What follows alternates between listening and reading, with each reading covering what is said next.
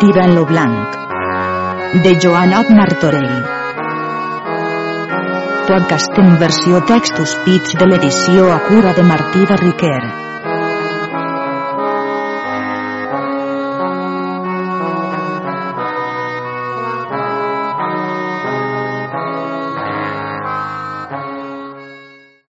Episodi 3.9 Part tercera, tirant a l'imperi grec.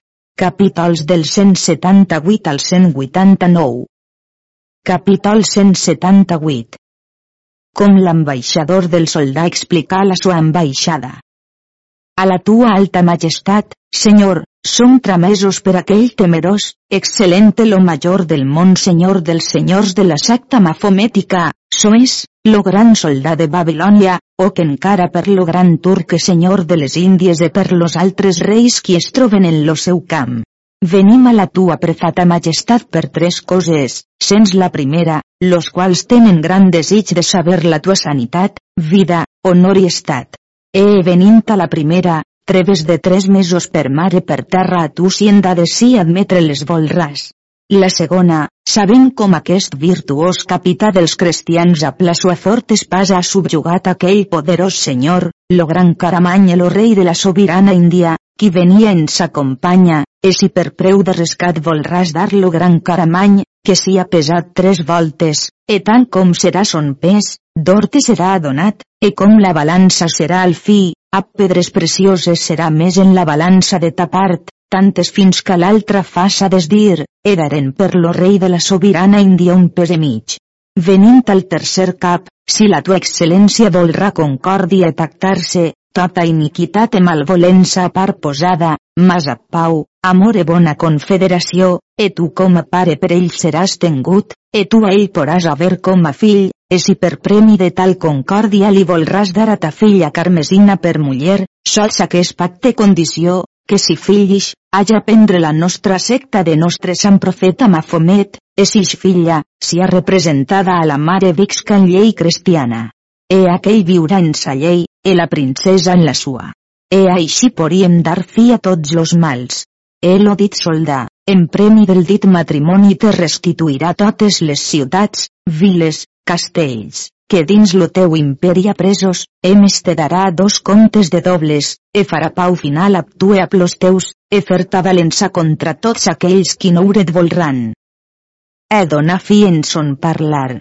L'emperador hagué bé comprès tot lo que l'ambaixador havia preposat. Llevas d'allí on seia entrasen en una altra sala a plo capitae, a tots los de son consell, e concordaren allí per esguard de la malaltia del capità fossen donades e atorgades les treves. L'emperador feu entrar allí los ambaixadors e dis-los que, per amor e contemplació del gran soldat, per semblant, del gran turc, ell era content de fermar en les dites treves e pau de tres mesos, e de les altres coses s'aturava son acord. Fermades les treves, ap imperial crida foren publicades, e semblantment ho feren los turcs. L'emperador sol·licitava molt sovint los consells, e molts, per atènyer la pau, lloaven molt lo matrimoni de la princesa, en tant que l'ànima de tirant no era segura. E un dia tirant, essent dins la cambra de la princesa, present moltes donzelles que hi havia, dix. Oh com me tinc per malaventurat per ésser vengut ací, per so com veig dos contraris estar ensems en una voluntat qui deneguen lo dreta de qui és. On cruel tirant. Per què dubtes morir, que veus lo pare unit ab son consell contra l'excelsa persona de sa filla. Que si mesa a un moro enemic de Déu e de la nostra santa llei. Tanta bellea, virtut e gràcia tanta magnitud de llinatge, ésser aterrada i posada en tan gran decaïment. E si a mi era lícit de jo recitar les perfeccions e grans singularitats que la senyora princesa posseix, la qual jo me desitge servir, a una deessa la podria comparar. Ai, que jo veja pla pensar allà on a no puc anar. Oh, missatger més cruel que los altres. Jo et tengui pres, e si tant hagués sabut que m'havies tant enutjar, no t'haguera perdonada la vida ni posat en llibertat. He donant-te de grat lo que tant desitjaves, perquè fas tan cruels batalles contra mi a pensar deliberada. O missatger, qui Abdalà Salamó nomenar te fas. si esten record com me diguis que havies amat, e si no ho saps, vull que ho sàpies, que encara que tu no cometes crueldat contra la senyora princesa, comets-la contra mi, qui tant de bé t'he fet. Què faries tu si no sabesses què és amor? Benaventurada cosa és l'amor qui dona remei a tots los mals. Jo, doncs elles, no sé qual és major dolor.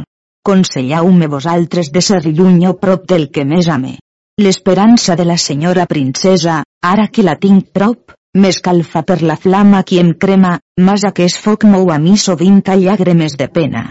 Elo qui està lluny, encara que tinga molta esperança, no l'escalfa tant l'esperança com la flama, e per consegüent la pena és més simple i més llarga, elo qui és més prop crema més fort. E si l'altesa vostra se'n va, la pena del desig que jo sentiré com no us poré veure i serà tal com lo de tanta luz, qui vol prendre les pomes qui li fugen e seguir a pla boca l'aigua que li fuig. E què resta, doncs, a mi que puga fer? Si la majestat vostra se'n va, que em done jo mateix la mort serà senyal per lo qual jo seré cregut que sans ficció amava la celsitud vostra més que a mi mateix. No tardà la princesa a fer principi a paraules de semblant estil. Capítol 179 Conor que la princesa fa tirant.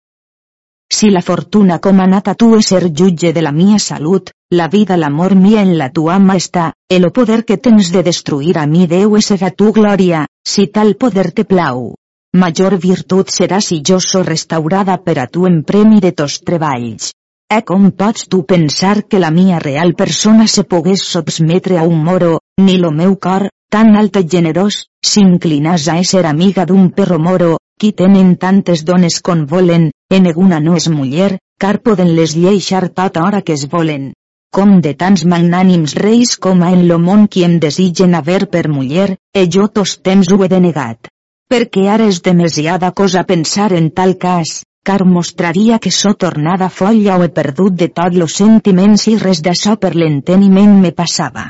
E si has dubte que mon pare no és concorde a plos del Consell, no tingues tal temor, car tota la fermetat de l'emperador està en la mia llengua, en jo dir sí o no. Mas la tua amor esperança és lleugera i de poca constància, car l'adversa fortuna tos temps dona aflicció als miserables qui tenen poca fe i esperança en les enamorades qui són de preu i de valor, e jo no et conec més benigne en lo principi que en la fi. Remou, doncs, de tu, cavaller virtuós, tota natura de pensaments, e fia de la tua carmesina, car aquella serà tu segura defensa de tots tos drets, així com tu defenses i has defesos los seus. E pots manar, per manera de senyor, de mi totes aquelles coses que a tu engrat seran. Estant en aquestes raons, ven que l'emperadriu et Torbals que no pogueren més parlar, e demanals de què parlaven. Respostirant. Puixa la majestat vostra li plau saber de què parlam, nosaltres parlàvem d'aquests ambaixadors com han tinguda tan folla presumpció en demanar que la senyora princesa sia muller d'un perro, fill de ca, que ha renegat son Déu e Senyor. No renegarà sa muller si la té. Cert, senyora, si farà. E com la tingués en la sua terra li donàs mala vida, qui seria aquell qui la defenés ni li pogués ajudar?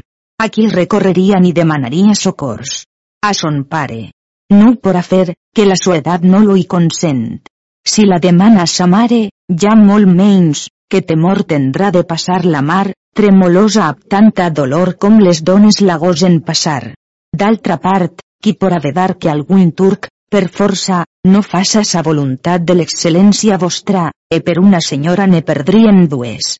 Con pensen aquestes coses la mi ànima plora gotes de sang, e freda suor gela tot lo meu cos, e sols l'oir fent tan les mies orelles que desitge ans morir que veure un cas tan nefandíssim d'amar més un moro renegat que un cavaller de la sua terra cosa vergonyosa és d'ací van parlar-me més, sinó que desitge que la mi ànima fos en lo repòs celestial, el cos fos en la fossa. No tarda l'emperadriu Apànimo és forçat fer principi a un tal parlar per dar conhort a tirant. Capítol 180 Lo conor que l'emperadriu fa a tirant. Una causa qui es mena injusta és si dona sentència falsa, prest és revocada.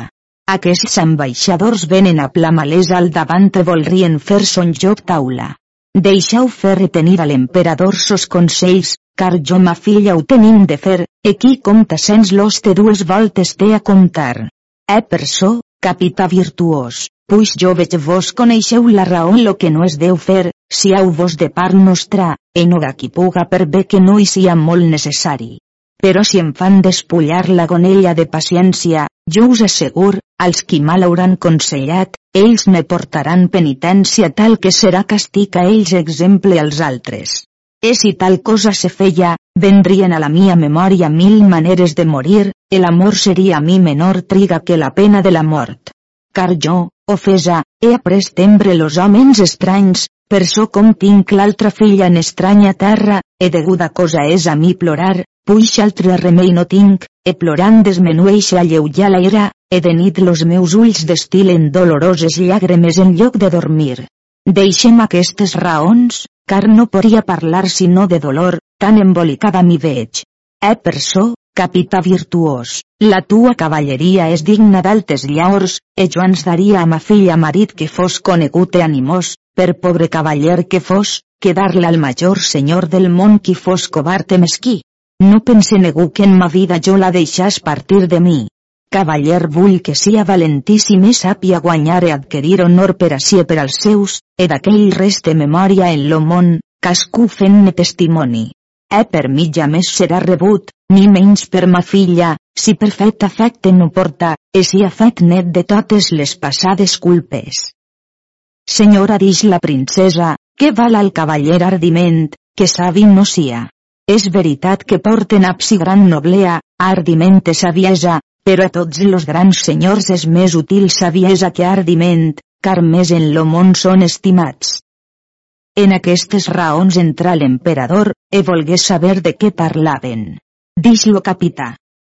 Senyor, així tenim una qüestió la més graciosa que dies a jo ja oït, i és aquesta, la senyora emperadriu posa semblant demanda i diu així, que si ella tenia un fill, ella estimaria més que fos senyor ja d'aquell virtuós senyor qui en lo món se fa nomenar ardiment que de negun altre, com si a lo major doe de major excel·lència que natura puga donar. Diu la senyora princesa que ardiment és gran senyor, en lo món deu ser molt reverit, però que ella té per molt major e de més al grau e dignitat saviesa que ardiment, e que negun no pot negun bon fet fer si savi no és. Aquesta és la qüestió d'aquestes dos senyores. Placi a la majestat vostra declarar qual la manté millor dret. Respòs l'emperador. Jo no hi podria fer bon juïci primer no i a les parts. Perquè us prec, ma filla, que prestament sàpia vostra intenció. A mi, senyor, no és donat de parlar de semblants fets davant la majestat vostra, ni primer que la senyora emperadriu, mare senyora tan amada per mi. Digues dix l'emperadriu, puix ton pare tu mana. Mostra si tot lo teu saber, car per això no menyscabarà amor en mi. La princesa se detingué molt en cortesies a plamare, que no volia dir primer, mas per obeir al manament del pare de la mare no tardà en fer principi a paraules de semblant estil. Capítol 181 Com la princesa favoreix saviesa. Diverses sentències foren dels antics filòsofs, qual era lo major bé d'aquest món, e foren moguts per so com veient que riqueses eren molt estimades e los rics homens eren per aquelles molt prosperats i reverits. E d'aquests fon Virgili, qui feu llibres com se podien riqueses adquirir, és César, que posa tota la sua felicitat en les riqueses d'aquest món. Altres digueren que cavalleria, car per aquella los cavallers animosos adquirien honor e fama en lo món, e aconseguien victòria de llurs enemics, e feien molt nobles conquestes de molts regnes de terres, e d'aquests fon Lucà, que feu llibres de cavalleria conquista la major part del món. Hagen i d'altres qui digueren que salut, qui era conservació de vida, dels quals fon Galien, qui feu llibres com on pogués haver salut, l'emperador Constantí, predecessor vostre, qui per salut volgué donar-lo Romà imperi. Hagen i d'altres qui digueren que lo major bé d'aquest món era amor, qui feia viure la persona alegre graciosa, el li feia exercitar actes virtuosos, dels quals fon Ovidi, qui feu llibres d'amor, e París, qui per Helena feu molt honorosos fets. Altres digueren que bones costumes, car per bones costumes l'home de baixa condició era exalçat, dels quals fon Cató, qui feu llibres de bones costumes. Altres digueren que saviesa, car per saviesa coneixia Déu e a si mateix, e d'aquests fon Aristòtil, qui feu llibres de saviesa, el rei Salamó, aquí, entre los altres, Nostre Senyor feu senyalada gràcia, que li tramés l'àngel dient-li com Nostre Senyor li atorgava que de tres gràcies que trias la que més amas, soes, saviesa sobre tots los homes del món, riquesa, e victòria de tots sos enemics, i ell elegí saviesa, el àngel li dix que havia elegit lo millor. E ap aquesta gràcia aconseguí les altres, que fon lo més savi lo més ric home que si estat en lo món d'ore d'argent, per so com saber fer la pedra dels filòsofs, e ap lo gran tresor que tenia aconseguir victòria de tots sos enemics, e tot això obtingué per la saviesa. Après, pot veure la majestat vostra dels romans, qui del món hagueren monarquia, tot per saviesa, que altrament no hi foren estats bastants. E entre ells servaren tal costum que ningú no podia ésser consol ni senador si savi no era, encara que fos lo millor cavaller del món. E tant com ells servaren aquesta pràctica durà la llur senyoria, car tan pres com deixaren saviesa i posaren de totes gens, foren prestament perduts, car saviesa vens les batalles, el amorós fa estar liberal e coneixent, e pot ajustar ore argent, e guardes de fer tot amb malvestat. E com l'home és savi, tots lo desigen per regidor, duc, rei e senyor, so que no fam per gran ardiment que tinga, car l'home qui té ardiment sense saviesa és tengut per foll. E a mi par que tot home deu tenir temor de la mort, per so com és ultimum terribilium passar d'aquesta vida en l'altra, e com l'ànima és del cos eixida, lo cos resta en gran menyscapte. Perquè fas conclusió que saviesa vol tant dir com de totes coses senyor. Acabant la princesa de magnificar saviesa, no tarda l'emperadriu fer principi a tal parlar. Capítol 182 Com l'emperadriu satisfà el que ha dit la princesa. Moltes voltes s'esdevé que algunes justes causes se perden per culpa d'ésser mal raonades, e per jo no haver estudiat les liberals arts con ma filla, no puc tan pròpiament fundar la mia intenció a petits de filòsofs ni d'homens de ciència com ell ha fet, sinó que ab natural raó la mia intenció fundare, en forma tal que la majestat del senyor emperador e tots los oïdors seran coneixedors de la mia clara justícia. He dic primerament que saviesa no deu ser dada als cavallers, car negun cavaller qui savi sia no pot fer negun bon fet honorós, car pensa en lo gran perill qui és en les armes, e contempla tots los inconvenients que seguir-se'n poden, per l'ànimo d'emprendre res que d'honor sia qui a perill s'haja tenyer, ans és un gran covard. Perquè dic que saviesa no deu ser comparada a pardiment. No sabeu per a qui fa la saviesa per a ciutadans i juristes, qui han a regir les comunitats i administrar la justícia. Aquests tals a plaça Viesa treballen contínuament en fer viure a si mateixa la popular gent en repòs, esquivant tant com poden tota manera de guerra. d'ardiment se veu cascun dia que de poc home fa gran senyor, segons sellits d'Alexandre, qui era poc home, e per ardiment lo món tot ja, e Juli César, qui per ardiment fon monarca del món. Eh no saps tu, ma filla, com per l'ardiment d'Hèctor de Troia el detingueren deu anys los grecs, que no pogueren prendre Troia.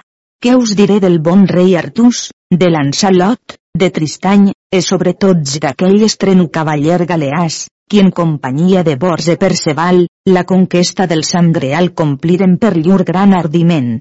E de tots aquests en lo món no en fora feta menció alguna per savis que fossin estats, sinó per lo gran ardiment que tenien, e el cavaller que no té ardiment més li valria l'amor que la vida. Perquè es mostra que més val ardiment que saviesa, e a pell no es deu a comparar, car los hàbitos temps fuig d'allà on a perill de mort, e de poca cosa se té per content, puixo puga sens negun impediment posseir, e no cura de la mundana glòria per lo perill que se'n pot seguir. El animós cavaller va per lo món conquistant, e comporta fam, set, fred e calor, e trobas en combats de ciutats, viles e castells, que és cosa molt perillosa. Lo savi no fa res de tot això, an se guarda del sol en l'estiu e de suar, i en l'hivern de la serena, e tota la sua vida porta molt arreglada. E si ell veu foc encès en vila o ciutat, plain molt los vents, que no es gasten, de guerra no se n'alta gens, del temps pren lo millor que pot, elegeix ans lo bé que lo mal. El o cavaller animós fa tot lo contrari, que tos temps treballa en destruir sos enemics, e con més mal los pot fer ne resta més content. E per mostrar millor experiència mira lo valerós tirant, com ho ha fet de les grans batalles que agudes, com a pànimo esforçat los ha posats tots per terra, e ens fa viure en nostra llibertat, e a la majestat del senyor emperador fa seure ab triomfo en la sua imperial cadira, e de tot això és causa lo seu gran ardiment. Doncs, clarament se mostra que ardiment és lo senyor, e saviesa és lo seu conseller. Encara te diré més, per lo gran ardiment que tingué Jesucrist no dubtà prendre mort de passió en la creu per rembre natura humana, obmetent-se la saviesa, per so com a aquella se podia molt bé excusar de la mort, que poguera reparar lo pecat d'Adam en moltes altres maneres que la sua immensa saviesa haguera trobades, mas per lo gran ardiment que tenia no dubtà de batallar a la mort, perquè sabia que, morint ell, la mataria. El qui vol aconseguir la glòria de paradís, li és bemester que tinga core ardiment en batallar contra lo món i la carn, e contra los esperits malignes qui contínuament li donen guerra, e si no té ardiment de tots a combatre, son fet no és res. Mira los màrtirs sants ab quant ànimo prengueren corona de martiri, e per so aconseguiren l'eterna glòria.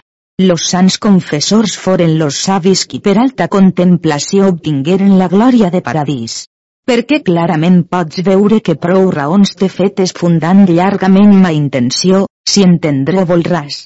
E donet llicència que digues tot lo que pugues ni vulles dir en defensió de ton dret, e mostra tot ton saber, com ardiment sia fortalea de l'esperit, lo qual lo nostre Redemptor Déu Jesús volgué donar als seus sants apòstols perquè ha esforçat ànimo anasen a predicar la santa catòlica fe, així com se llitgen los actes dels apòstols perquè, suplica la majestat de Monsenyor l'emperador, com veja la mia justícia molt clara, i vull a donar presta declaració. No tarda la princesa a fer principi a tal resposta. Capítol 183 Rèplica que fa la princesa a l'emperadriu, sa mare. Puix per dret natural la raó en força obeir los manaments de l'excel·lència vostra, diré mon parer de mon poc avisat estil, protestant com a mare senyora, a qui ame sobre totes les coses del món, demanant venia perdó si ap mes paraules diré alguna cosa que sia contra lo gentil estil de l'altesa vostra. E per no fatigar les orelles dels oïdors de les infructuoses paraules que han oïdes, abreviaré l'efecte del que vull dir, perquè clarament si ha vist qui haurà millor sabuda fundar la sua intenció. E diré primer d'Alexandre, que l'excel·lència vostra legata, dient que poc era, mas que per ardiment lo món conquista. Parlant ab deguda reverència no fon així, ans li feu senyorejar lo món Aristòtel ab saviesa, perquè li consellà que fes cremar tot lo que los seus havien guanyat, perquè tinguessin voluntat de més guanyar-ne, e no estiguessin ociosos e que les armes haguessin a seguir. De César vos diré qui gran senyor fon en lo món, e tot ho aconseguí ab saviesa, e com se veu molt poderós e sublimat en gran honor e riquesa, desconegués, regint ab crueldat extrema, e los seus lo feren matar. Dels altres no us ne vull dir més. E per so com la majestat vostra ha dit que lo savi de poc se té per content, per so la divina bondat de nostre Senyor li ha dat natural sentiment en conèixer mal i bé, qui expressament nos mana que no vullam res guanyar injustament, el qui savies molt bé se'n guarda. Emperò la saviesa té dos senys, l'au és temporal, l'altre espiritual. Lo seny espiritual solament nos devisa que ens guardem de pecar, e que servem los manaments de Déu, e que cregam en los dotze articles de la Santa Fe Catòlica, e que façam esmena de nostres pecats en aquest món durant la nostra vida, ab confessió, contricció i satisfacció, e fent penitència d'aquells, e tot això fa lo qui és savi. lo sent temporal és que hom conega a si mateix, és saber lo que hom és tengut de fer, e llegir llibres d'aquells qui més sàviament i virtuosa han viscut en lo món perquè els pugam imitar, car de l'home savi se pot bé dir que espera regir tot lo món, el home animós no sap altra cosa fer sinó morir com a desesperat. Mas vejant com nostre Senyor vingué en lo món, si lo hi feu venir ardiment, bé seria foll qui tal cosa creia car per tots los teòlegs és determinat que la sua immensa saviesa lo hi feu venir, coneixent que, puix natura humana era perduda per lo pecat de nostre pare Adam, e que no es podia reparar si ell no hi venia fent unió de la divinitat a la humanitat. E per so com dona era estada causa de la perdició de natura humana, la immensa saviesa de nostre Senyor Déu dispensar que la reparació fos feta per dona per ell preleta, tal que fos sens màcula d'algun pecat actual, mortal, venial ni original, en lo verge ventre d'aquella volgué prendre humana carn, e prengué mort de passió en l'arbre de la vera creu per donar a nosaltres l'eterna vida. Perquè, clarament se mostra que ardiment no haguera bastat en fer un tan gran fet, car sabut és que saviesa és do de natura està en l'enteniment, qui és lo major senyor de tots e més noble. E ardiment està dins lo cor, e si gens lo tocau, prestament se mor, e lo cos és perdut, perquè li deuen dar per curadora saviesa que el guarde de tot mal. E qui sovint usa d'ardiment poca és la sua vida, e tos temps serà subjugat a les misèries e penes d'aquest món, car de mal principi bona fi no s'espera. El excel·lència vostra sia en recordacia van que ningú no pot atenyer la glòria de paradís sinó per saviesa perquè suplica la majestat d'aquell magnànim pare senyor meu que no vull haver esguart el meu poc avisat entendre i no haver bé sabuda raonar la mia justícia, com de si mateixa és ja raonada per ésser tan clara. Plagueren al vell emperador les avisades paraules de sa filla que havia raonat, e font manifest quan lo gentil estil fa la justícia més clara. No tarda l'emperadriu en fer principi a un tal parlar, Capítol 184 Replica l'emperadriu responent a sa filla. Si de l'univers la consideració mires, veuràs com sol ardiment és aquell qui el conserva, lo qual, si es perdia, en poc temps lo món tot se perdria, caminant en total destrucció. Com si a ser que ardiment sia de major excel·lència que saviesa, te vols esforçar de sostenir causa ja perduda. E per so com és de poca edat, el o saber no t'acompanya en tal meneig, dar tu a sentir pus clarament, com saviesa en la testa està, e ardiment en lo cor.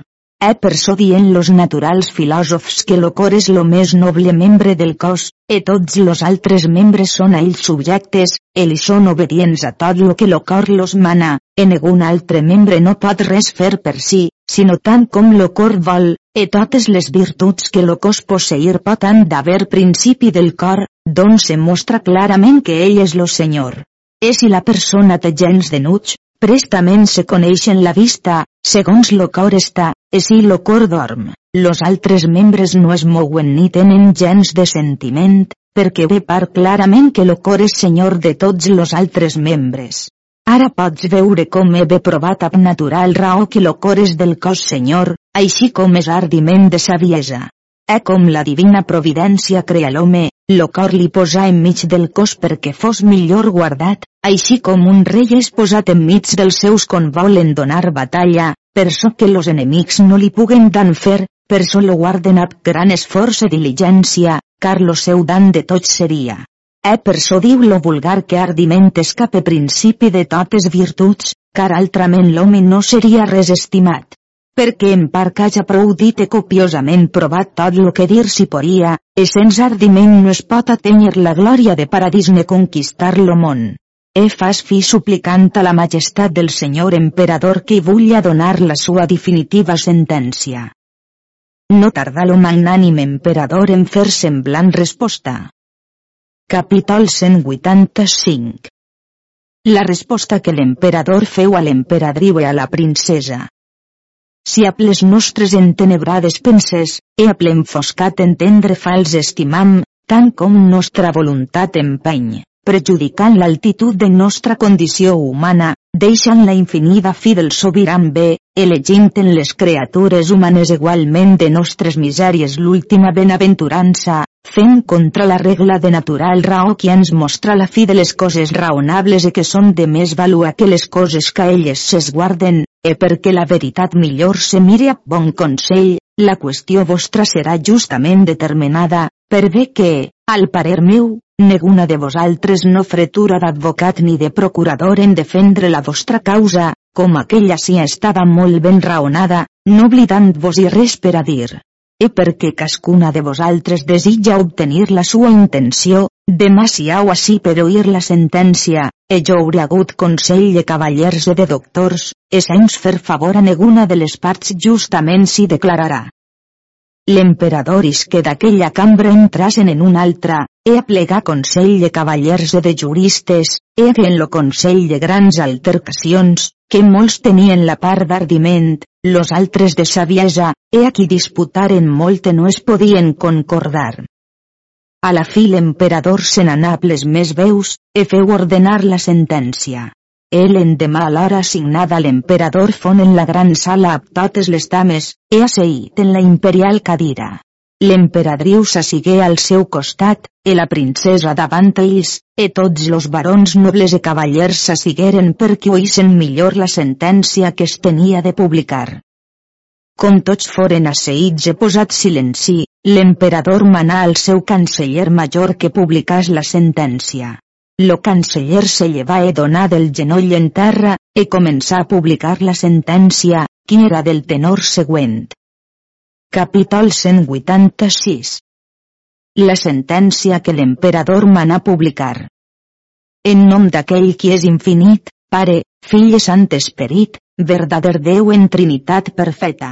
Nos, Enric, per la divina gràcia emperador de Contestinoble de tot l'imperi grec, vista una qüestió que es mena entre l'excel·lent i molt cara muller nostra, l'emperadriu, d'una part, l'excelsa, molt amada filla nostra, la princesa, vistes les al·legacions per cascuna de les parts fetes, en molt bé raonades i defeses, havent Déu davant los nostres ulls, e la pensa elevada en fer dret juí, ab concòrdia de la major part del nostre sacre consell, no havent esguarda la molta mort que cascuna de les parts portam, sinó sola la recta justícia e donar lo dret a qui es pertany, e atenente considerant que saviesa és lo més aldo que Déu en natura poden donar a la criatura humana, e de major perfecció noblea e d'aquella totes les virtuts que lo cos pot posseir prenen principi i fonament, e sense aquella no són res, així com lo sol de qui prenen llum tots los planets i les esteles e il·lumina tot lo món, així és saviesa que senyoreja totes les virtuts, es resplandeix per tot lo món, perquè és dit gran senyor. Emperò, necessitat és gran a l'home que tinga ardiment, e si té no deu ser res estimat, e per so ardiment deu ser graduat après de saviesa.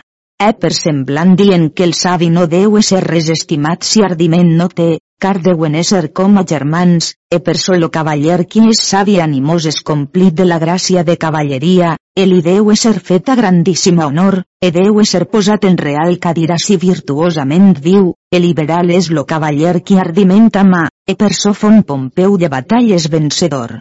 Però com los dos són complidament en un cavaller, qualsevol que sia, en aquest pertany d'haver senyoria o dignitat la major del món. E per so declarame sentenciam que l'emperadriu, qui manté ardiment, sia tenguda d'ací avant de dir gran bé de saviesa. Encara li manam que en qualsevol lloc que sia on se parle de saviesa i d'ardiment, done l'honor primera saviesa, puix la té, e qui ho diga de bon cor sens passió ni mala voluntat, e que entre mare i filla no hi reste iniquitat alguna, sinó així com de mare a filla fer-se Déu. Publicada que fon la sentència, lloaren-la les parts, e tots los que l'oïren donaren grans llaors a l'emperador com havia tan rectament judicat, e digueren aquell exemple vulgar qui diu que de bon fruit ix bon fruiter, e de virtuós cavaller juí verdader. En la publicació d'aquesta sentència se trobaren los ambaixadors del soldà, el gran Caramany, el rei de la sobirana Índia. El emperador tingué consell a plo seu capità altres cavallers, e fon deliberat que fos feta una gran festa i après que tornassen la resposta als ambaixadors perquè se'n poguessin tornar. El emperador ni dona càrrec a tirant, que ell ho ordenàs tot, així d'armes com de danses i altres coses. E tirant ho acceptà, perquè no podia lo contrari fer sinó lo que d'ell se pertanyia. Fon feta crida per al quinzen dia. Com Estefania veu que tots los grans senyors eren venguts per esguard de les treves, el gran constable no venia, escriví-li una lletra que en efecte contenia semblants paraules. Capítol 187 Lletra tramesa per Estefania al gran constable. Haver trencada la fe no profita als cavallers, car aquell lloc demana les penes de desllealtat, majorment com algú ofèn amor, e tu has ofès a mi, per so com me prometis que molt prestament series a mi tornat. E al deslleale trencador de fe un de fal li basta, e quilo i perdona a has de perdonar-li'n molts, e set ben dir menor pesa en tu que en la sobiranesa de l'aresta. E temps tu que jo no sia de tanta valua que no pertanga tu, e que jo no sia digna del matrimoni teu. No sé per quina raó estàs de no venir a mi. E si per ventura no va amor abraça lo teu collebraços, sia jo fi de la nostra amor. Oh, Déu! Muira Joans que sia ofesa per tan criminós adulteri, e la mi amor sia primera que tal culpa sia tua. E no dic jo les coses de sus dites perquè hages dat a mi senyal d'esdevenidora dolor, ni que jo sia coneguda per novella fama, mas ten totes aquestes coses, car qui és aquell qui ha amat segurament. E cascun error mou igualment ànsies. E tu fes per manera que destrueix que és a tos enemics, mas no a ta esposada, car mon delit en veu en mal s'és convertit, e la tua persona sostendrà tants dans ab tanta pèrdua de ta honor. Mas d'altra més justa excusa per al que m'has ofès a los fats envejosos de la mia pròspera fortuna. El esperança de bé temor de mal me fa creure ades una cosa, ades altra, e la mia mà, feta flaca per escriure, jau en la mia falda. Capítol 188 Resposta feta per lo constable a la lletra d'Estefania. Si fos mort, visca era a pinclita fama, quiti de criminosa infàmia, la qual, més maliciosa que vera, li has posat nom, en tant demanes guardó de l'extrema dolor que tos mals t'espera, lo qual no basta lo preu de la mia trista persona. Car la tua bellea te fa mereixer encara desamant, no tan solament és rao si és amada, mas com a santa adoració mereix la tua persona ser adorada, sols aquest pensament me forçara a respondre a ta lletra. Si creus les mies mans estiguen segures en l'exercici de les armes, lo terme de mon escrit creia que, de la glòria que de ma lletra tenyeries, te faria descobrir lo que per amor es rotingués celat.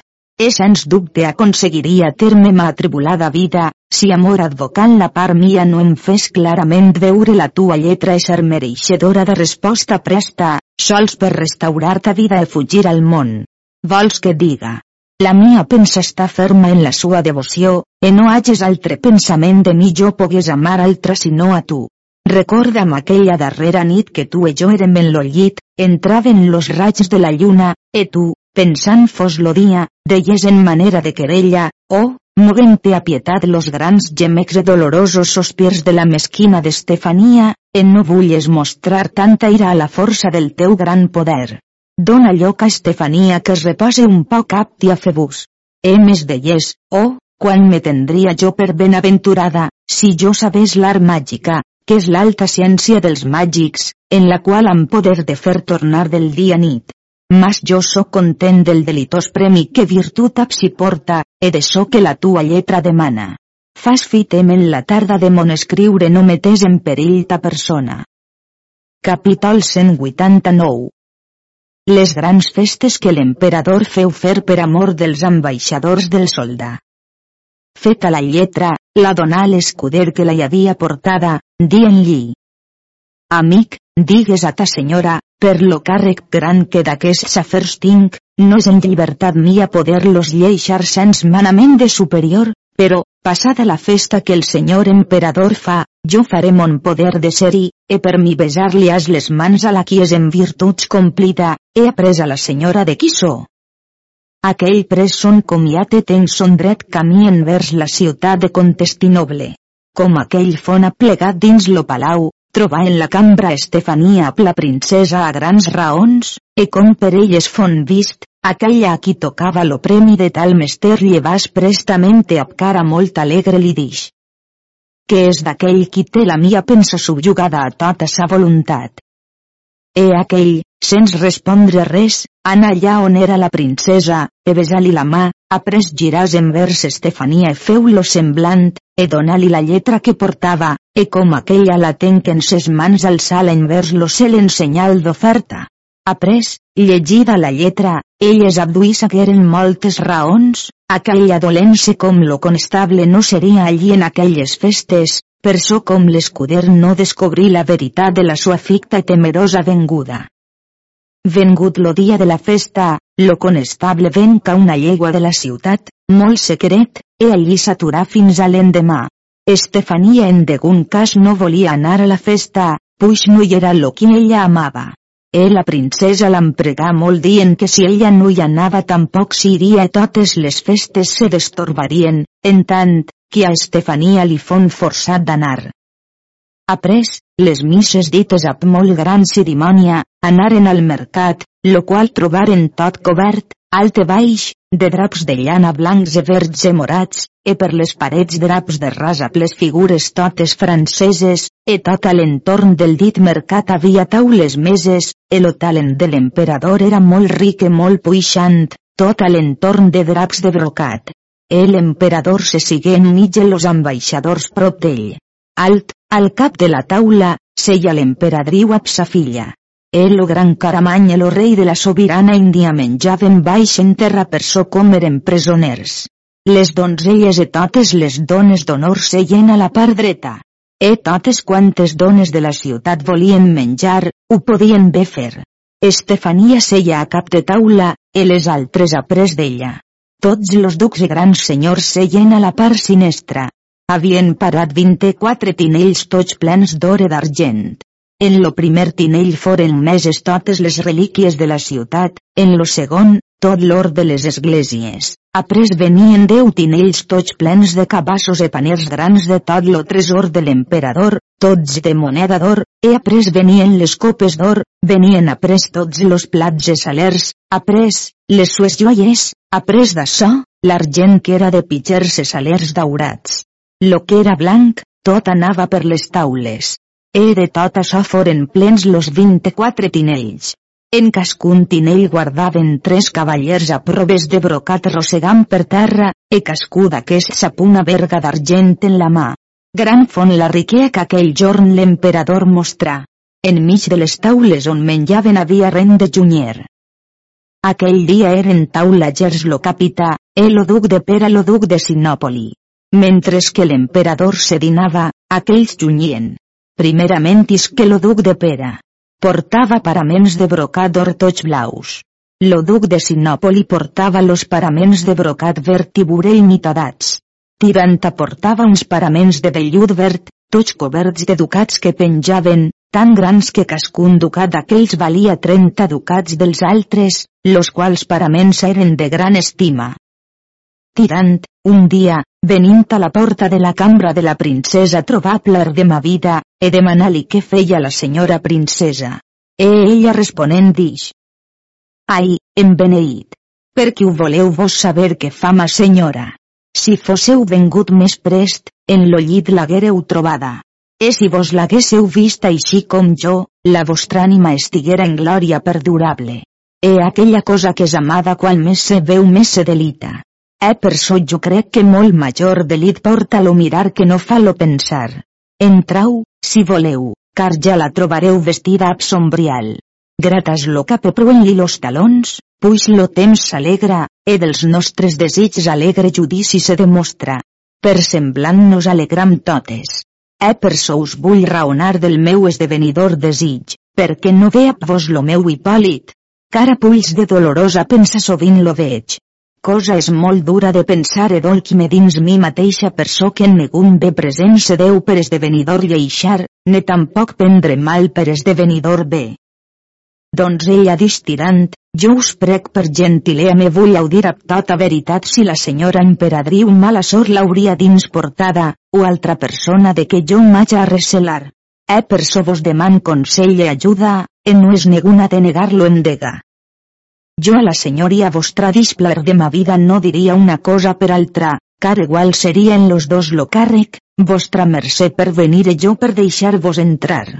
Eh jo bé sé que la princesa no vol que l'amor que vos li portau sia sens algun mèrit, e per so com vos conec apetit gran de la cosa desitjada voldríaus i poder ajudar, car qui desitja no pot lo seu desig complir està en pena, en alguna cosa no és més lleugera de perdre que aquella la qual esperança més avant no permet tornar.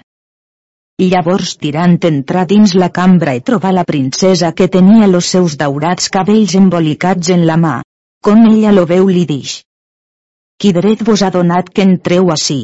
E aquest càrrec no és convinent ni és donat a tu d'entrar en la mia cambra sens llicència mia, car si l'emperador ho sap, de desllealtat te poran incriminar. Precte que te'n vages, car contínuament tremolen los meus pits de recel temerós. E tirant no curar de les paraules de la princesa, sinó que s'acostà envers ella, he pres-la en los braços e besar-la moltes vegades los pits, los ulls e la boca. E les donzelles, com veient que tirant així jugava a la senyora, totes estaven a la cominal, però com ell li posava la mà de just la falda, totes eren en sa ajuda. E estant en aquests jocs de burles sentiren que l'emperadriu venia a la cambra de sa filla per veure què feia, e a plos jocs no la sentiren fins que fon a la porta de la cambra. Prestament tirant-se llançar estes per terra, e llançaren-li roba de sus. E la princesa segués damunt ell. Estava espentinant, e l'emperadriu segués al seu costat. No fallí molt no es segué sobre lo cap de tirant. Sap Déu ab quina temor de vergonya en aquell cas tirant estava. Ab tal congoixa estigué per bon espai que parlaren de les festes que es devien fer, fins que venc una donzella a ples hores, llavors l'emperadriu se lleva i apartàs al cap de la cambra i pres a dir ses hores. La princesa no es mogué gens d'allí per dubte que l'emperadriu no el ves. Com la princesa se fon pentinada, posà la mà davall la roba i pentinava a tirant, ella desades li besava la mà li prenia la pinta. E estant en tal congoixa, totes les donzelles se posaren davant l'emperadriu, e llavors sens fer molta remor, tirant se llevar i anassen a la pinta que la princesa li dona. Com fon fora de la cambra, pensant que ja fos en lloc segur, que per ningú no seria vist, veu venir a l'emperador a punt cambrer, que venien dretament a la cambra de la princesa. Com tirant-los veu venir, no les tingué totes ven-los venir per una gran sala. Tirant, no havent altre remei, tornassen cuitat a la cambra de la princesa, e dis-li. Senyora, quin remei dareu en ma persona, que l'emperador ve? Ai trista dix la princesa, eixim d'un mal e donamen altre pitjor. Jo veus ho deia, car vos veniu tos temps a hores indispostes. Prestament feu posar a les donzelles davant l'emperadriu, i ell amb suaus passos lo posaren dins una altra cambra, e posaren-li molts matalafs de sus, per so que si l'emperador hi entràs, així com feia moltes voltes, que no el ves. Com l'emperador fon en la cambra, trobà sa filla que es volia lligar. Estigué allí fins que fon lligada, e l'emperadriu hagué dit ses hores, e les donzelles se foren totes avillades. L'emperadriu se posà primera i totes les altres la seguiren. Com foren a la porta de la cambra, la princesa demanà los seus guants, e dix. Jo els he estojats en lloc que neguna de vosaltres no ho sap. Ella tornà a entrar dins la cambra on tirant era, e feu-li llevar la roba que damunt tenia, ell dona un gran salt e pres la princesa en los braços, e portava-la ballant per la cambra i besant-la moltes vegades, dix-li. Oh quanta bellea, amb tanta perfecció ja més viu en donzella del món. La majestat vostra passa totes quantes són de saber gran discreció, car, certament, ara no tinc admiració si lo moro soldà vos desitja tenir en sos braços. A tu engana lo parer dix la princesa, car jo no so tan alta en perfecció com tu dius, sinó que bona voluntat ho fa dir, car la cosa qual més s'ama més se desitja amar. Per bé que sia vestida d'un negre vestiment, sots honest vel so lligada, he aquella flama que als teus ulls de mi resplandeixes amor, car per la vista lo virtuós se contenta. Eh per so jo et faré dar glòria, honor e fama, eh, si això no et basta non seràs content, tu seràs fet o me sents record, eh més cruel que l'emperador Neró. Ves amb ella i manar, car l'emperador m'està esperant. Tirant no hi pogué satisfer, sinó que les donzelles li tenien les mans, per les burles i jocs que li feia, perquè no la deslligas. E com veu que se n'anava a les mans no la podia tocar, allargar la cama, e posar-li davall les faldes, e a plaçabat a tocar-li en lo lloc d'edat, e la sua cama posar dins les sues cuixes. Llavors la princesa correntis que de la cambra anà on era l'emperador, e la viuda reposada tragué a Tiram per la porta de l'hort. Com Tiram fon en sa posada, descalçàs les calces e sabates, e aquella calça sabata que havia tocat a la princesa davall les faldes, feu-la molt ricament brodar, e fon estimat lo que hi posa, soes, perles, robins e diamants, passats 25 mil ducats. El dia del rem se calça la calça la sabata, e tots quants hi havia que veient semblant cosa, estaven admirats de la gran singularitat de les pedres fines que hi havia, ne tan rica sabata de cuiro no era estada vista. E en aquella cama no portava arnès negú, sinó en la sinestra, e paria estar molt bé. Per cimera portava damunt l'elmet quatre pilars d'or, lo sangreal fet a manera d'aquell que galeàs, lo bon cavaller, conquistà, sobre lo sangreal estava la pinta que la princesa li havia dada, a punt mot que hi havia, e qui llegiró sabia d'ella, no ha virtut que en ella no sia. E així que aquell dia. Enmig del renc havia un gran cadafal tot cobert de draps de brocat. E enmig estava una gran cadira molt ricament guarnida, e per mig tenia un pern, que la cadira se podia voltar en torn, e al sella la sàvia Sibila, molt ricament avillada, que mostrava en si gran magnificència, e contínuament a totes parts se vogia. E baix, al peu de la cadira, seient totes les deesses amb les cares cobertes, per so que en lo passat temps deien los gentils que eren cossos celestials. Entorn de les deesses seien totes les dones qui bé havien amat, així confon la reina Ginebra, qui a Lancelot amà, la reina Isolda Tristany, e la reina Penèlope, qui a Ulixes amà, Helena a Paris, Briseida a Aquiles, Medea a Jason, la reina d'Idoeneas, Yamira a Hércules, Adriana a Teseu, e la reina Fedra, qui requeria Hipòlit, son fillastre, en moltes altres n'hi havia que seria fatiga de nomenar-les, que en la fi de llurs amors foren decebudes per los enamorats, així com feu Jason, qui decebé i destruí la gentil persona de Medea, e així com feu Teseu Adriana, tragué-la de la casa del rei son pare, portant-la per la mar, deixa-la en una illa deserta i allí finassa dolorosa vida. E de tals com aquestes que dit vos n'hi havia moltes. E cascuna tenia uns assots en la mà, el cavaller qui fos derrocat de dret en contra més per terra, portaven-lo al cadafal, e la sàvia Sibila donava-li sentència de mort, dient puix havia defraudat amor e tot son poder. Les altres dones e deesses agenollaven-se davant la Sibila i recaptaven-li gràcia que no morís, mas que la sentència fos mudada en assots?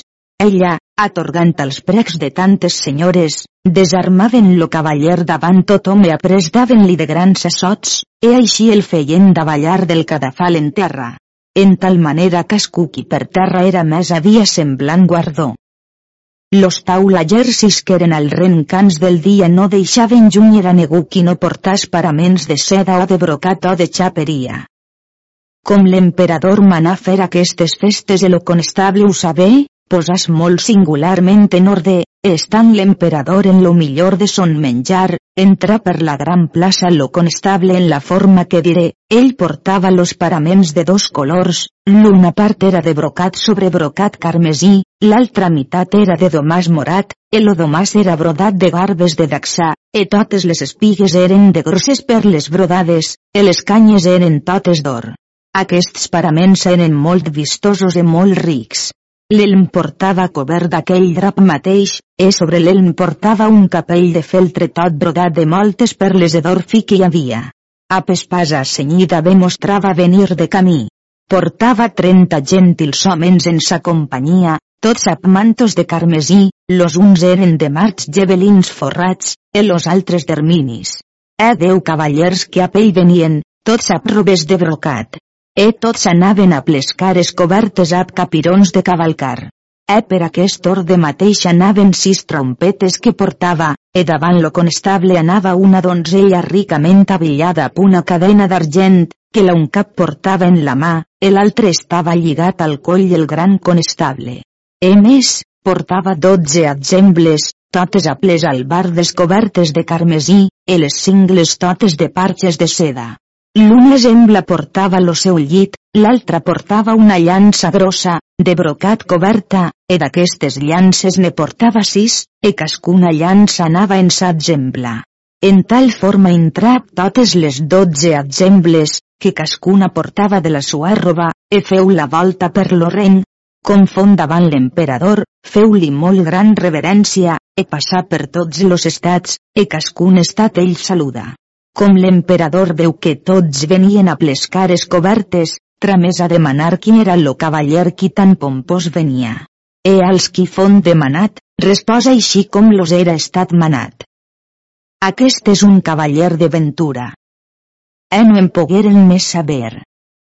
Dix l'emperador puix nos vol nomenar, ell mostra ser bé presoner com a cadena lo porta donzella. Ell certament deu ser presoner d'amor. Ves e torna-hi, e demana a la donzella quin amor l'ha així apresonat, e si no et vol dir son nom, ell porta un escrit en l'escut, veges si és allí son nom. Lo cambrer de l'emperador anà cuitat e feu son manament. La donzella li respòs lo dan a la presó d'aquest cavaller a fer donzella verge, consentint a la voluntat sua, la subjugat en la forma que veu. E més no li dix. E aquell torna la resposta, e l'emperador dix. Obres de cavallers que moltes voltes amen no són amats, e cascú és desitjós de ser en la primera edat, per bé que de mi tot repòs s'és apartat e quasi no me'n record sinó de la temerosa vida. Digues, has llest en aquell escut, qui no és romput ni menys temut. Senyor respòs lo cambrer, jo l'he ben llest una i moltes voltes, i és escrit en llengua espanyola, o en francès, e diu. Malaja amor, qui l'en feu abellir. Si no li fas de més dolors sentir. En això lo constable era ja el cap del ren cap la llança en la cuixa. He demanat qui llunyia. Fon li dit que a de Sinòpoli anà de vers l'altre, e feren de vells encontres. La cinquena carrera lo gran conestable l'encontrà tan bravament que de la sella lo feu sortir. E d'allí lo portaren al cadafal de la sàvia Sibila. E prestament fon desarmat i molt bé assotat per les dones qui eren estades desconegudes d'amor per los falsos enamorats. Com tota la cerimònia fon feta, tornà juny era ploduc de pera. E con foren a la DN carrera, lo conestable l'encontrà enmig de la visera, i tragué el disseny, e allà al cavall més per terra. Qui només aquest ix tirant de mala ventura que eixia derrocats mos singulars amics. Feu-se posar prestament l'elm al cap e pujar cavall e posàs al cap del ren cap una grossa llança que demana. E en aquell espai que ell se posà a punt, portaren lo duc, con font tornat en son record, al cadafal de la sàvia Sibila, e feren d'ell com havien fet de l'altre. Lo conestable dix que no volia més junyer, per so com saber que tirant era al cap del ren, e los jutges digueren que forçadament tenia de complir les dotze carreres així com era estat ordenat. Les dames e tots los del mercat reien molt com aquell cavaller no conegut així havia derrocats los dos ducs. Dix l'emperador. Esperau un poc, que poca meravella serà si no deroca lo capitán nostre. No farà dix la princesa, que la Trinitat Santa lo guardarà de tal inconvenient, e si d'ell trau lo cabal, ve li poran dir cavaller de bona ventura. Respòs l'emperador. Per mon Déu, jo no he vist en mon temps en deu carreres derrocar dos ducs, ni venir així ben orde com aquest cavaller ha fet. Eh, a més, estime les exemples com les albardes són dins i de fora cobertes de seda, e les cobreexembles de brocat, això no pertany a cavaller qui del meu imperi sia, sinó a rei o fill d'aquell. E per so desig saber d'on és, car dubte em fa que no se'n vaja per no córrer malvolença pa aquells qui mesos per terra. Hem anat dos donzelles d'inestimable bellea i molt ben avillades que, de part de la princesa, anassen al cavaller que el pregassen de a que lo seu nom volgués dir, perquè era molt desitjat. Respòs lo conestable. Si algun càrrec ne reporte, pense la majestat sua que les coses de gran estima no a poc càrrec se lleixen a tenyer. Mas perquè no pareguen vanes les mies paraules, jo sóc de l'últim ponent, podeu dir a la senyora princesa. Ap aquesta resposta les donzelles se'n tornaren a fer en llur relació. El conestable fon forçat de junyer aptirant. La anà de vers l'altre, el conestable posàs la llança en lo reste porta la tos temps alta. Com tirant lo veu així venir, alça la sua llança no el volgué encontrar. E tirant amb molta malenconia dix perquè l'altre li guardava cortesia, si ho feia perquè era capità, que no ho fes gens per tal raó, sinó que junyís fes tot lo que pogués fer, que gens per cortesia no se n'estigués. El eraut qui semblants paraules li reportà les dix gran ultratge. Lo conestable responent dix. Digau aquell qui us tramet a mi, lo que jo he fet és per cortesia, mas que tinga ment a si mateix, car així com he fet dels altres altre tal faré d'ell. He demanat la més grossa llança que tenia. Com fon prop de l'encontre alçar també la llança. E tirant, amb molta desesperació, llança la sua llança en terra per so com no s'era pogut venjar de la injúria dels ducs. Prestament prengueren de les reines del cavall del conestable los que l'emperador ho havia manat perquè no se n'anàs. E allí vengueren los jutges e amb molta d'honor lo portaren al cadafal de la Sibila, e aquí li llevaren l'elm del cap totes aquelles deesses lo reveren a alegria inestimable, fent-li la més honor que els era possible com saberen que aquell era lo gran conestable assigueren-lo en la cadira on seia la sàvia Sibila, i ella a totes les altres lo serviren de col·lació de viandes i de totes les coses necessàries, l'una lo pentinava, l'altra li torcava la suor de la cara, cascuna d'aquestes lo servia en lo que podia.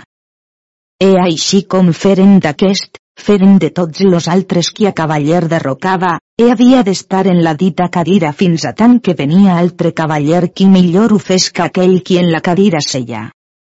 Com l'emperador sabé que aquell era lo conestable pres molta consolació en si, l'emperadriu e totes les dames que allí eren. Com Estefania veu la murmuració de la gent, e tingué natural notícia que aquell era lo conestable, Tan gran fon lo delit d'amor que presen la sua vista que lo cor li defallia per de tot lo record. Los metges, que allí prop de l'emperador estaven, donaren prestament remei a son mal, e per so dix ve Aristòtil que així ve gran dan a les donzelles per molt amor com per molta dolor.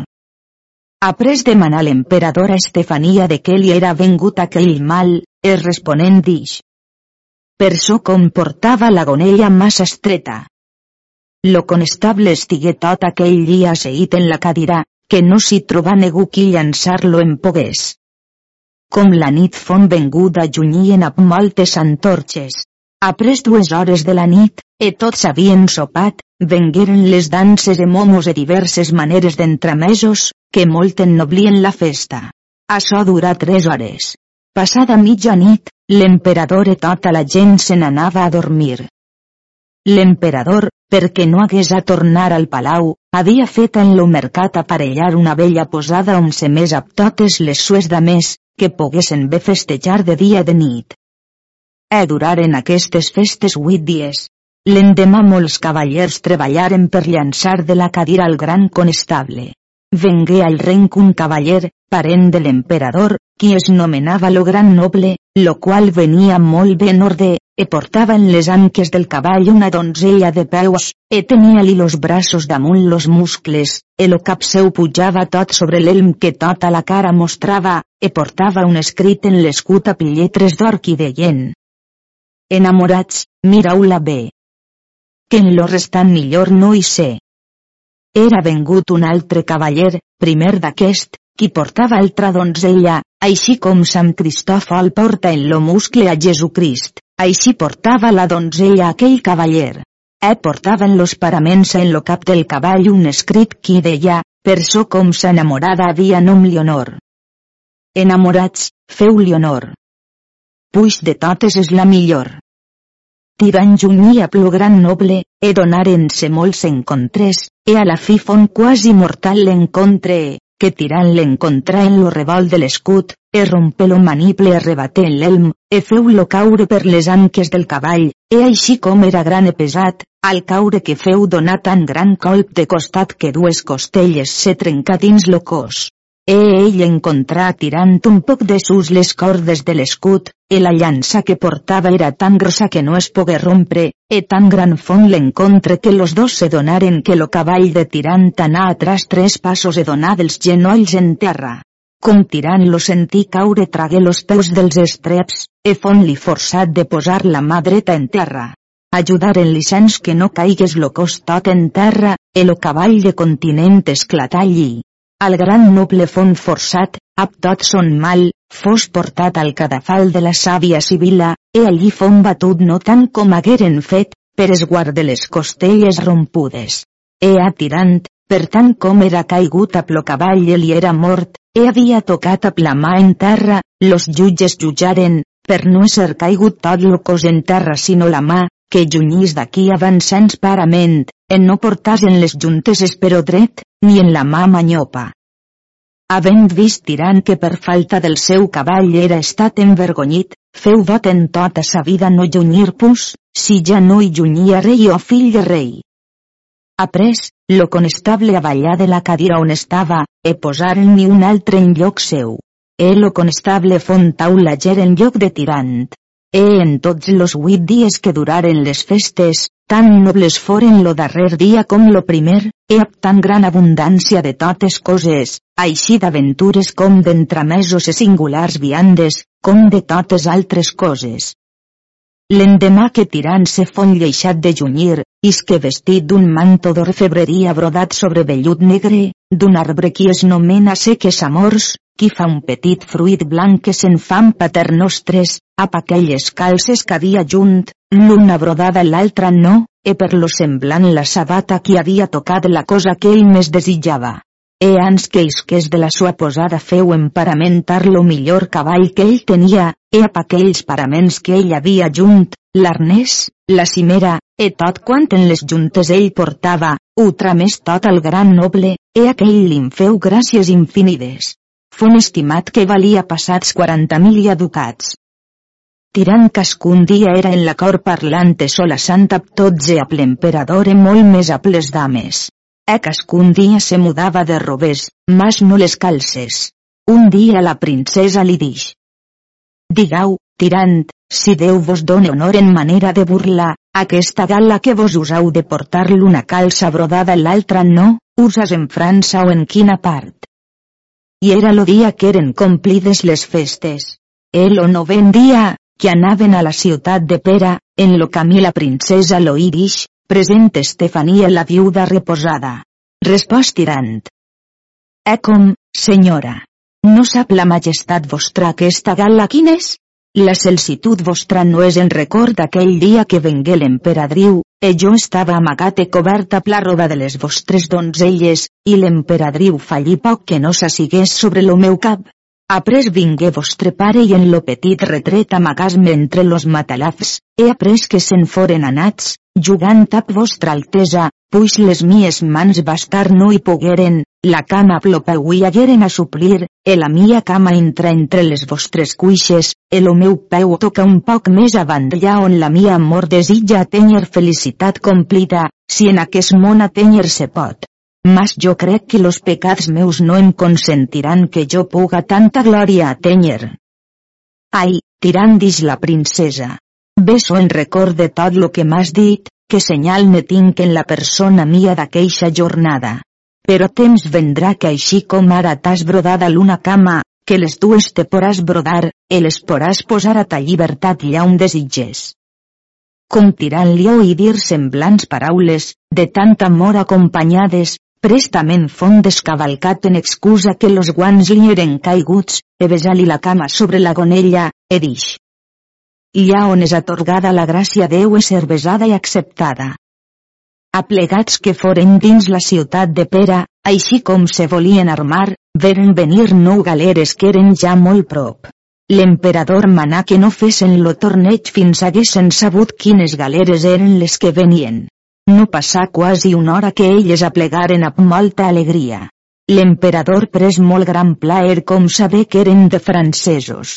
Lo capità d'ells era cosín germà de Tirant, e era estat patge del rei de França, e havia el fet vescomte de Branches. Ell, ven que son oncle, lo pare de Tirant, era desitjós de veure son fill per lo gran temps era passat que no l'havia vist, sabent com Tirant tenia feta molt gran empresa de guerra molt justa contra infels, e havia vençudes moltes batalles, e continuava la guerra, lo vescomte, per les grans pregàries de la mare de Tirant, e per voler exercir lo gentil estil de les armes, emprengué a altres cavallers e gentils homens de venir en ajuda de son cosín germà ab cinc milia francs arquers, los quals li donà lo rei de França, sabent les grandíssimes cavalleries que havia fet Tirant en defensió de l'emperador de Contestinoble. A cascun franc arquer d'aquests portava escuder e patge. Llavors lo feu lo rei de França vescomte de branches per aquella empresa, e li donà moltes terres, e li pagà lo sou per sis mesos, e li donà totes les galeres armades habituallades de tot lo que mester hagué. E passà per Sicília, e, conegut per lo rei, feu-li molta honor e li donà molts cavalls. Com tirant fon certificat aquest ésser mossèn d'Amer, cosín germà seu. Prestament se posà en una fusta, ell i lo conestable, amb molts altres cavallers, entraren dins les galeres. Grandíssima font la festa que ells se feren. Après, tots ensems isqueren en terra i anaren a fer reverència a l'emperador, qui pres molt gran consolació en la sua venguda, e pres molt més plaer l'emperador com los ambaixadors no eren partits. Après anaren a fer reverència a les dames, e totes s'esforçaren de fer-los molta honor per contemplació de tirant. L'emperador porrogà lo torneig per a l'endemà. Vengut lo dia següent per lo matí tots s'armaren, e l'emperador pregà molt a tirant volgués entrar en lo torneig amb los altres, per so com sens venir contra sa promesa ho podia bé fer, e tirant fon content d'obeir lo manament de l'emperador, per so com no eren juntes, ells que aquell dia molt pompós. Lo vescomte de Branches pregà a Tirant que li volgués prestar un cavall, que també volia entrar en lo torneig. L'emperador i totes les dames li digueren que no ho fes per so com venia fatigat de la mar, e ella belles paraules se de fes, que no estaria per cosa en lo món d'entrar i per quan los treballs de la mar li eren a ell delite no fatiga. Tirant, qui veu la sua voluntat, tramés-li deu cavalls, los millors que ell tenia, l'emperador li'n tramés quinze molt vells, l'emperadriu, altres quinze, la princesa li'n donà deu, açò per manament de son pare, lo conestable li'n donà set molt vells. Los ducs de los comtes li'n trameteren molts, que en aquell dia ell tengué en la sua posada 83 cavalls dels bons de tota la ciutat. Is que a punts paraments que lo rei de França li havia dats, Dos brodats de lleons ab grossos senceros d'or que al coll portaven, e les lleones estaven gitades, e los poquets fills portaven campanetes d'argent. E com lo cavall se movia era un plaenso d'oir que los senceros feien. Isqueren en lo can 800 cavallers d'esperons daurats, e no consentiren negu i entrar si no havia rebut l'honor de cavalleria, e no portàs paraments de seda o de brocat o xaperia. E molts se feren cavallers aquell dia per ésser en aquelles armes. El o vescomte, que no era cavaller, sabent tal ordinació, per no venir contra lo que era ordenat per l'emperador, com tots foren dins un gran camp, descavalcar i pujar al tal cadafal de l'emperadriu, e suplicar la fos de sa mercè li volgués donar l'honor de cavalleria. Respòs la princesa. E com, no seria més justa cosa que el senyor emperador vos fes cavaller de la sua pròpia mà. Senyora dix lo vescomte, jo tinc en vo de no rebre honor de cavalleria de mà domenegu, per so com jo so fill de dona, e a me dona, e per amor de dona so vengut ací i en dona he trobada molta honor. Raó és doncs, que dona me faça cavaller. L'emperadriu tramés a dir a l'emperador, e ell vingué allí a plos ambaixadors, e dix a l'emperadriu que li donàs l'orde de cavalleria, e així fon fet. La princesa feu portar una espasa molt bella, e senyila-hi, que l'emperador son pare tenia, aplopome tota la guarnició d'or. El emperador feu portar uns esperons tots or, en cascuna roda d'esperó havien gastat un dia mal robí, balaixa safir, e donals a les filles dels ducs que els hi calçassen, però l'emperador no consentí que l'incalçassen sinó l'u. Carlo qui vol que sia fet cavaller de mà de dona no pot portar sinó millor en mig argent, un esperó daurat i altre blanc, e així ho feren d'aquest. L'espasa pot portar pata daurada, mas roba brodada ni calces ni paraments no ho pot ni deu portar sinó la meitat blanc que l'altra d'or. Lo costum és com aquella senyora l'ha fet cavaller l'obesa, e així ho feu l'emperadriu.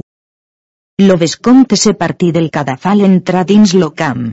Lo duc de Pera era capità de la meitat de la gent, e tirant de l'altra meitat, e per so que fossin coneguts portaven al cap banderetes, los uns les portaven verdes, los altres blanques. Tirant feu entrar dins lo camp, on sabien a combatre deu cavallers e lo duc altres deu, e començaren-se a combatre molt bé. Après ni entraren vint, après trenta, de poc en poc se començaren a mesclar, e cascú feia son poder de menar les mans lo millor que podia. E tirant mirava la sua gent, com veu que la sua gent anava a mal, ell feria plallança en la pressa de la gent, encontrà un cavaller tan bravament que li passà la llança de l'altra part. Après tirar l'espasa e donar de grans colps a totes parts, en forma tal que paria que fos un lleó famejant, que tots los miradors admirats estaven de la sua desmesurada força i gran ànimo que en aquell cas tirant mostrava. L'emperador mostrava tenir gran contentació de veure un tan singular fet d'armes com aquell era. Com hagué prop de tres hores durat, l'emperador, del cadafal davallat, pujà a cavall, e posàs en la pressa de la gent per departir-los, per so com havia vist que si mesclava fellonia, en hi hagué molts de nafrats. Après que tots los cavallers desarmats foren, anaren al palau, e allí parlaven de semblant fet d'armes, així singular que deien los estrangers ja més haver vista tan bella gent així ben avillats de cavalls emparamentats ni d'armes, e font tenguda per festa de gran singularitat. L'emperador s'assiguera taula feu que tots los cavallers qui armes havien fetes s'aturassen allí a menjar. Com foren a la fi del dinar, digueren a l'emperador com una nau era arribada al port sense arbre nevela, tota coberta de negre. E tal no va recitant, per la gran sala entraren quatre donzelles d'inestimable bellea, encara que de dalt anassen vestides. Los llurs noms eren admirables.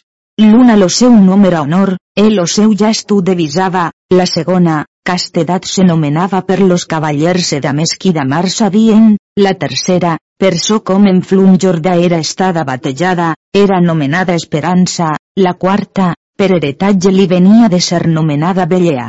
E plegades davant l'emperador li feren molt gran reverència. E perquè Esperança era lo cap d'elles, feu principi a paraules de semblant estil.